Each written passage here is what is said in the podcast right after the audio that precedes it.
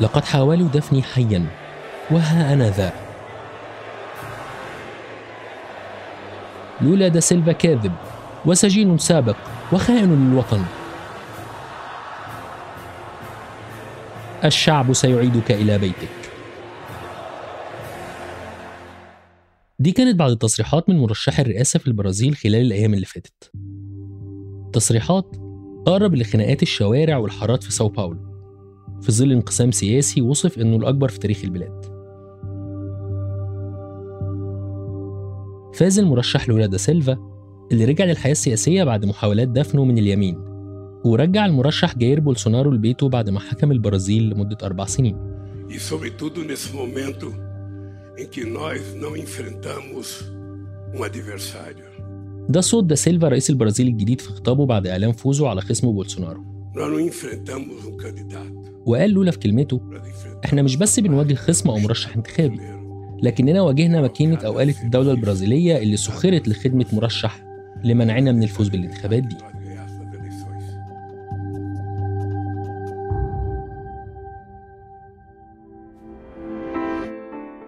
أهلا بيكم. ده بودكاست المستجد وأنا أحمد إيمان زكريا. في كل حلقة هناخدكم بعيدا عن ضجيج العناوين عشان نتعمق في واحدة من قصص أو أخبار عالمنا. ونقول لكم الخلاصة. في حلقة النهاردة هنتكلم معاكم عن الانتخابات الرئاسية البرازيلية اللي أعلنت نتيجتها يوم 30 أكتوبر تشرين الأول 2022 واللي فاز فيها مرشح اليسار لولا دا سيلفا على مرشح اليمين جاير بولسونارو. وهنتعرف على أسباب فشل اليمين المتطرف في البقاء بالسلطة داخل أكبر دولة في أمريكا الجنوبية.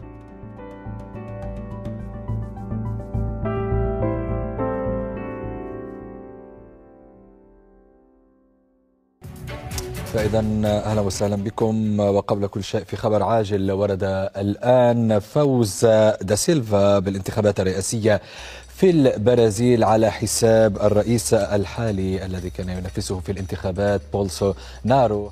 يوم 2 أكتوبر 2022 بدأت عملية التصويت في الجولة الأولى من انتخابات الرئاسة البرازيلية واللي ترشح فيها 11 شخص. وحصل لولا دا سيلفا على نسبة حوالي 48.5% من الأصوات. وحصل بولسونارو على حوالي 43% من الأصوات. ودي نسب ما تأهلش أي واحد فيهم يكسب. فتمت الجولة الثانية اللي فاز فيها لولا على بولسونارو بنسبة 51% تقريبا من الأصوات. أما بولسونارو فحصل على نسبة 49% بعدها رجعت البرازيل للحكم اليساري من جديد ورجع بولسونارو ابن اليمين العسكري المتطرف لمنزله حاملا خفي حنين. طيب إيه الخناقة دي؟ وهل هي جديدة على البرازيل يعني؟ البرازيل أو برازيو بالبرتغالي. بلد رقصة السامبا ولاعيبة الكرة الأمهر بيليه ورونالدو الظاهرة ورونالدينيو وغيرهم. بلد نظامها فيدرالي رئاسي وعندها ثروة بشرية بتوصل لأكتر من 213 مليون شخص. بلد البن والبترول والحديد والسكر واللحوم وفول الصويا. إمكانيات ضخمة للنجاح والتقدم. لكن ده مش بيتحقق تقريبا لأن البرازيل معروف عنها حاجتين أو آفتين شهيرتين الفساد وتاريخ الانقلابات العسكرية. ودي سمات معروفة عن كتير من دول أمريكا اللاتينية. Breaking news is the far right candidate Jair Bolsonaro has won Brazil's presidential race. زاير أو جاير بولسونارو المرشح المهزوم في الانتخابات اللي بنتكلم عنها هو رجل عسكري سابق وكان رئيس للبرازيل بعد ما فاز في الانتخابات سنة 2018 وصل للحكم بعد إقالة رئيس البرازيل ديلما روزيف بسبب اتهامات في قضية فساد وصفها المحللين إنها الأكبر في البلاد وهنحكي عنها كمان شوية. بولسونارو صاحب ال 67 سنة خدم في الجيش لمدة 17 سنة ووصل لرتبة نقيب. يعني راجل وطني جدا. ده قتل واتقتل وبيحب بلده أكتر من لولا دا سيلفا. بقول لك إيه؟ أنت أيوة. ما ما ما تلبسش الوطنية أكتر لا أنا ما مني أنا بلبسش أكتر الوطنية. لا أنا حاربت ما واكلت واتكلمت دعوة. وعملت كل حاجة دكتور علاء، أنا ما ما ما-. ما- ما- مش ما عايزين. لبس ما. ما السيد جاير بولسونارو آراءه شبه أصحابه اليمينيين اللي موجودين في السلطة في دول كتير زي بولندا والمجر وإيطاليا حاليا. كما كان متوقعا. لم يمر إعلان خسارة الرئيس المنتهية ولايته جايير بولسونارو دون اعتراض أنصاره إلا أن شكل الاعتراض وتأثيره كانا هما المختلفين. فسائقو الشاحنات المؤيدون لبولسونارو أغلقوا أهم الطرقات في البلاد وشلوا حركتها. وآزرهم متظاهرون يرفعون مطالب وصفت بالانقلابية. نشعر أن حقوقنا تنتهك. يصفوننا بالانقلابيين لكن الانقلاب حدث سابقا حينما أخرجوا لولا من السجن بغير وجه حق. العسكري بولسونارو بيحب الحكم العسكري. وطالب إن نمط الحكم ده يرجع تاني. وطبعا أكيد شايف إن البرازيل ما ينفعش يحكمها غير راجل عسكري. لأنه أدرى بنفسية الشعب البرازيلي والبرازيل بلد تجمعها زمارة وتفرقها عصاية. وده مثل معناه إن الشعب بيتجمع على أي حاجة فيها هلس لكن بيخاف ويجري مع أول عصاية تضربه.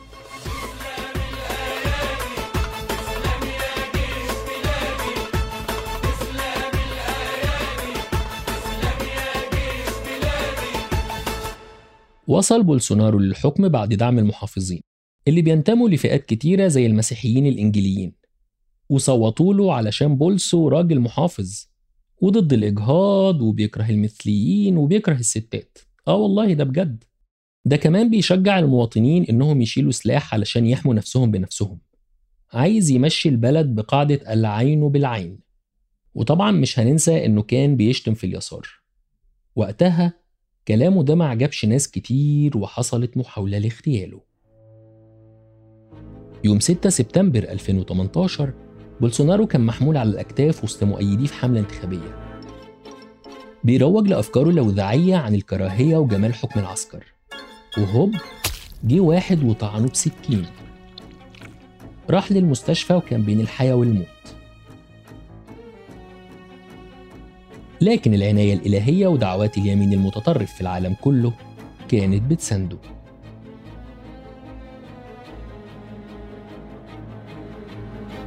الحادثة نجحت وقتها إنها ترفع أسهمه في الانتخابات ونجح وبقى رئيس البرازيل. وخلال أربع سنين من الحكم عاشت فيهم البلاد أزمة جائحة كورونا اللي مات فيها حوالي من 500 ل 600 ألف شخص. رقم مخيف كان بيشوفه بولسونارو رقم عادي لدرجة إنه كان بينصح المواطنين ما ياخدوش اللقاح وحذرهم منه لأنه كان شايف إن اللقاح لا مؤاخذة ممكن يحولهم لقرود.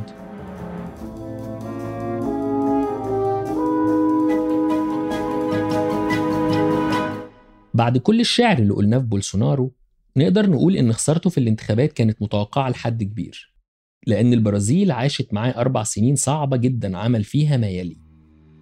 استبدل الموظفين المدنيين في الإدارات المدنية بعناصر من الجيش. خلى عيلته والمقربين منه يوصلوا لمفاصل الإدارات المدنية ويتغلغلوا فيها. زود ثرواته أكتر وأقصى المختلفين عنه علنا. حاجة كده شبه صديقه المقرب دونالد ترامب اللي كان بيحب بولسونارو. لدرجة إنه وصفه ب Trump of the Tropics أو Tropical Trump أو ترامب الاستوائي نسبة لوقوع البرازيل على خط الاستواء حاجة تفرح جدا U.S. beef has been shipped to Brazil for the first time since 2003. They're going to have a great new leader. They say he's the Donald Trump of South America. Do you believe? زاد بولسونارو من سطوة لوبيهات السلاح مش بس كده ده دعم الجماعات والشركات الطمعانة بثروات غابات الأمازون اللي معظمها موجودة في البرازيل. كل اللي كان بيعمله ده لاقى دعم من مؤيديه. وزاد خطاب العنف والكراهية في المجتمع البرازيلي لدرجة إن مناصريه كانوا بيعملوا وقفات دورية في المدن بيمارسوا فيها العنف. كنوع من استعراض القوة. واستخدموا شعارات زي جيش بولسونارو عشان يخوفوا باقي أجهزة الدولة زي البرلمان والمحكمة العليا. في المرحلة الصعبة دي من حكم بولسونارو اليسار كان بيحاول يرجع للمشهد مرة تانية من خلال واحد من رموز العمال في البرازيل لولا دا سيلفا. لويز إيناثيو لولا دا سيلفا صاحب السبعة وسبعين عام ابن لأسرة فقيرة أمية فيها سبع أطفال غيره. لولا في طفولته كان بائع متجول وماسح أحذية وعامل توصيل. ما قدرش يكمل تعليمه عشان كان بيساعد أهله. ولما كبر بقى حداد وأصبح عامل نشط ومشارك في الفعاليات النقابية للحدادين واتسجن أيام الحكم العسكري اللي استمر لسنة 1985 وفضل يمارس العمل السياسي وأسس حزب العمال اليساري لحد ما نجح إنه يوصل للسلطة ويبقى رئيس البرازيل في ولاية أولى من سنة 2003 لحد 2010 عشان كده لولا مقرب للشارع لأنه عارف الطبقات الفقيرة ومشاكلها كويس. وصول عامل يساري للسلطة أمر يتطلب مجهود كبير وسنوات خدمة طويلة في المجال العام. وده ما كانش حاجة سهلة وقتها سواء في الداخل البرازيلي أو إقليميا بالنسبة للولايات المتحدة الأمريكية. اللي أكيد مش هتحب يوصل للسلطة واحد بيتكلم عن جيفارا وماركس وتروتسكي.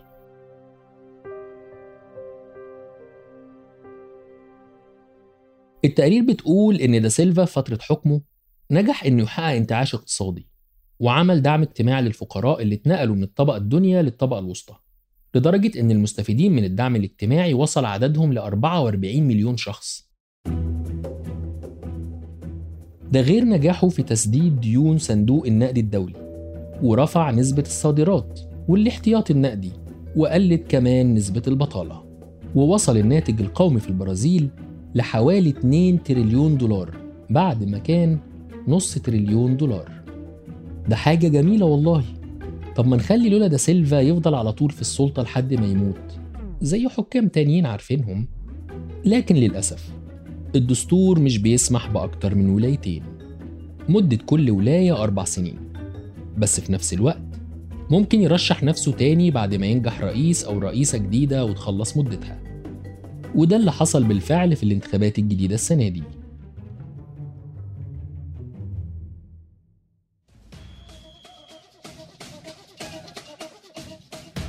خلص دا سيلفا مدته في نهاية عام 2010 ونجح نجاحات كبيرة لدرجة إن العالم بقى بيشوف البرازيل مكان مهم لتنظيم فعاليات كبرى زي كأس العالم 2014 وأولمبياد ريو دي جانيرو سنة 2016 وقدمت البرازيل سنة 2007 ملف تنظيمها لكأس العالم وكانت الدولة الوحيدة اللي قدمت الملف من أمريكا الجنوبية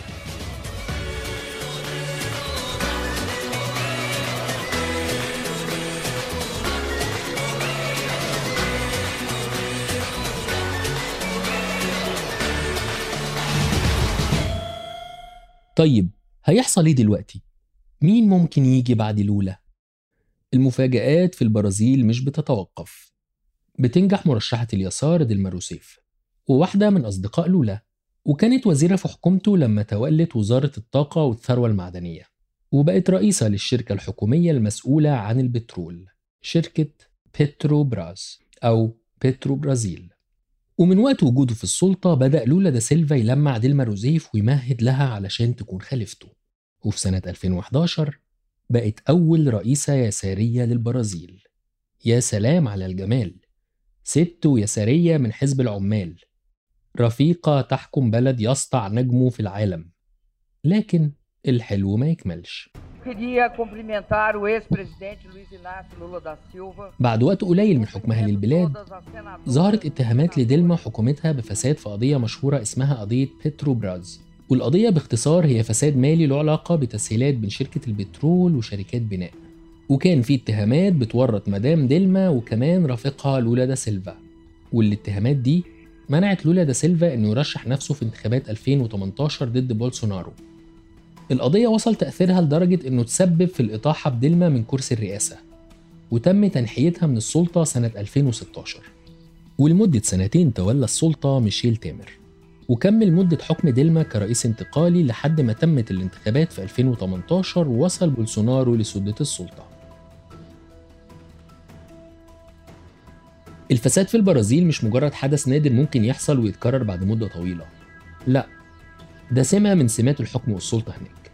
والمصادر بتقول لنا إن قضايا الفساد هناك تعتبر اتهام معروف للساسة لدرجة إن واحد من أكتر رؤساء البرازيل شعبية جيتوليو فارجاس اتهم بالفساد وانتحر أثناء فترته الرئاسية التانية عام 1954 بعد الاتهامات دي.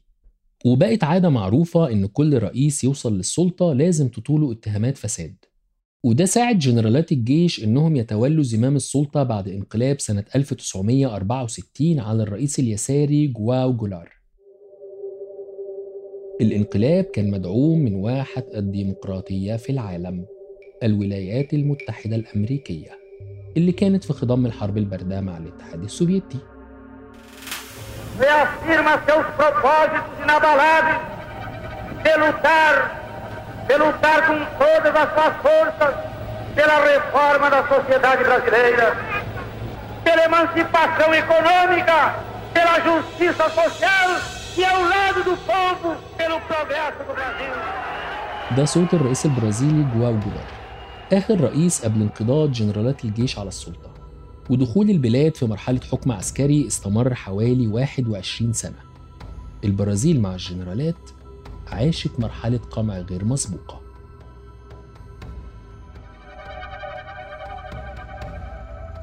وصلت فيها حوادث الاختفاء القسري وقتل المعارضين للمئات مع فرض رقابة صارمة على المحتوى المقدم في الإعلام والحفلات والأفلام والكتب إلى آخره.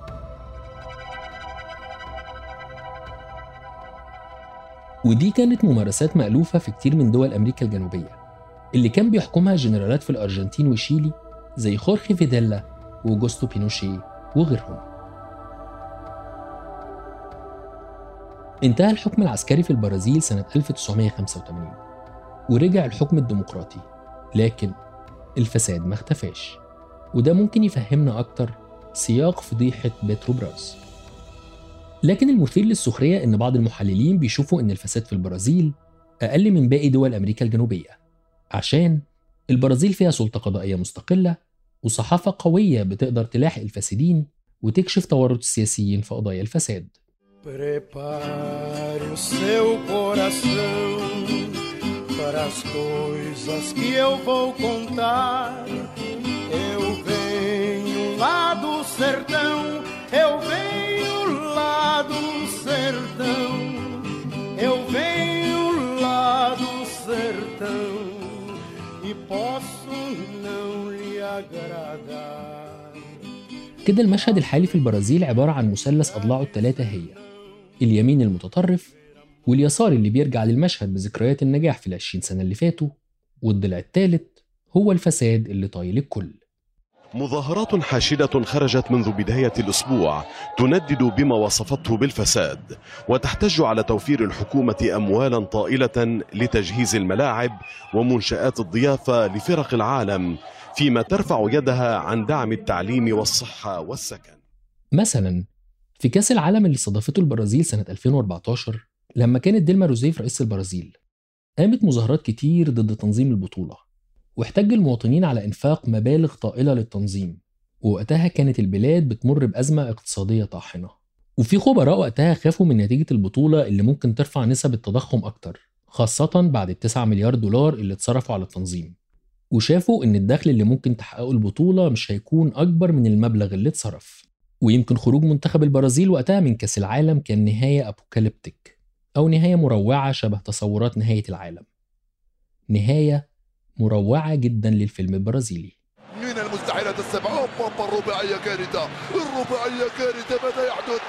كارثة كارثة تحدث هنا هزيمة كروية بتتوج الإخفاقات الاقتصادية والاجتماعية لحكومة مدام ديلما البرازيل اتغلبت 7 واحد من منتخب ألمانيا اللي فاز بكأس العالم وقتها. وزي ما قلنا من شوية عن فضيحة بتروبراس المعروفة بعملية Car Wash وتورط شخصيات مهمة في الفساد.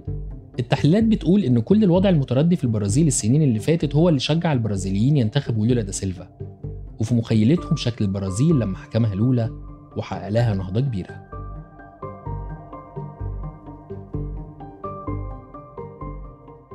دلوقتي بعد إعلان فوز دا سيلفا أنصار بولسونارو احتجوا على النتيجة وشافوا إنها مزورة وإن لولا مكانه السجن عشان الاتهامات اللي وجهت ليه في فضيحة بتروبراس. وطبعا بولسونارو مصدوم من النتيجة وكان نفسه يكسب لكنه رجل يحترم الديمقراطية بدون شك. المفروض إن بولسونارو يترك منصبه مع نهاية السنة ويتولى الرئيس الجديد المنصب 1 يناير 2023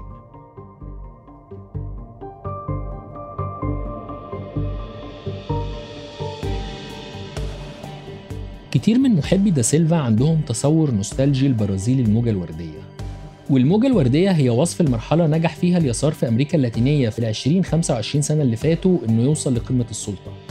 زي هوجو تشافيز في فنزويلا ودا سيلفا في البرازيل ونستور كيرشنر في الأرجنتين وغيرهم.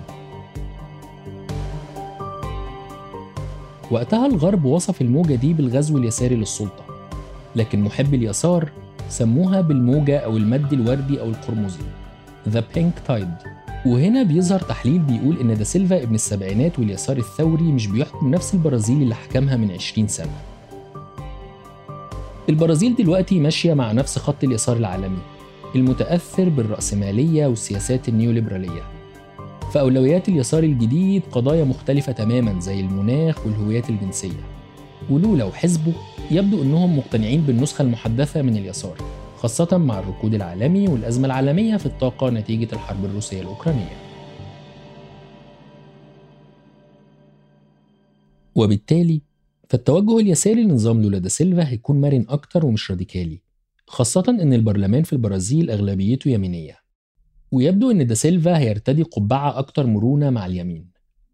وهيعمل تحالفات سياسية متنوعة. والتوجه ده لمح له أثناء خطاب فوزه بالرئاسة لما قال هذا البلد يحتاج إلى السلام والوحدة.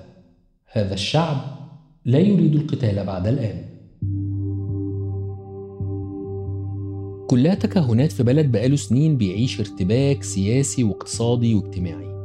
على أمل إن الوضع يتحسن وينتعش الاقتصاد البرازيلي مرة تانية ويرجع لولا منقذا لبرازيل الأحلام والنوستالجيا. برازيل الموجة الوردية الجديدة.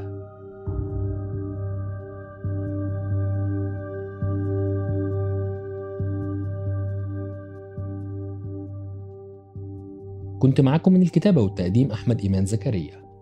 من البحث بيان عروري. من التحرير عمر فارس. من التصميم الصوتي يزن قواس. اشتركوا بقناة المستجدة على التطبيقات اللي تعجبكم علشان تسمعوا الحلقة دي. وتوصلكوا تنبيهات الحلقات الجديدة. بودكاست المستجد من إنتاج صوت.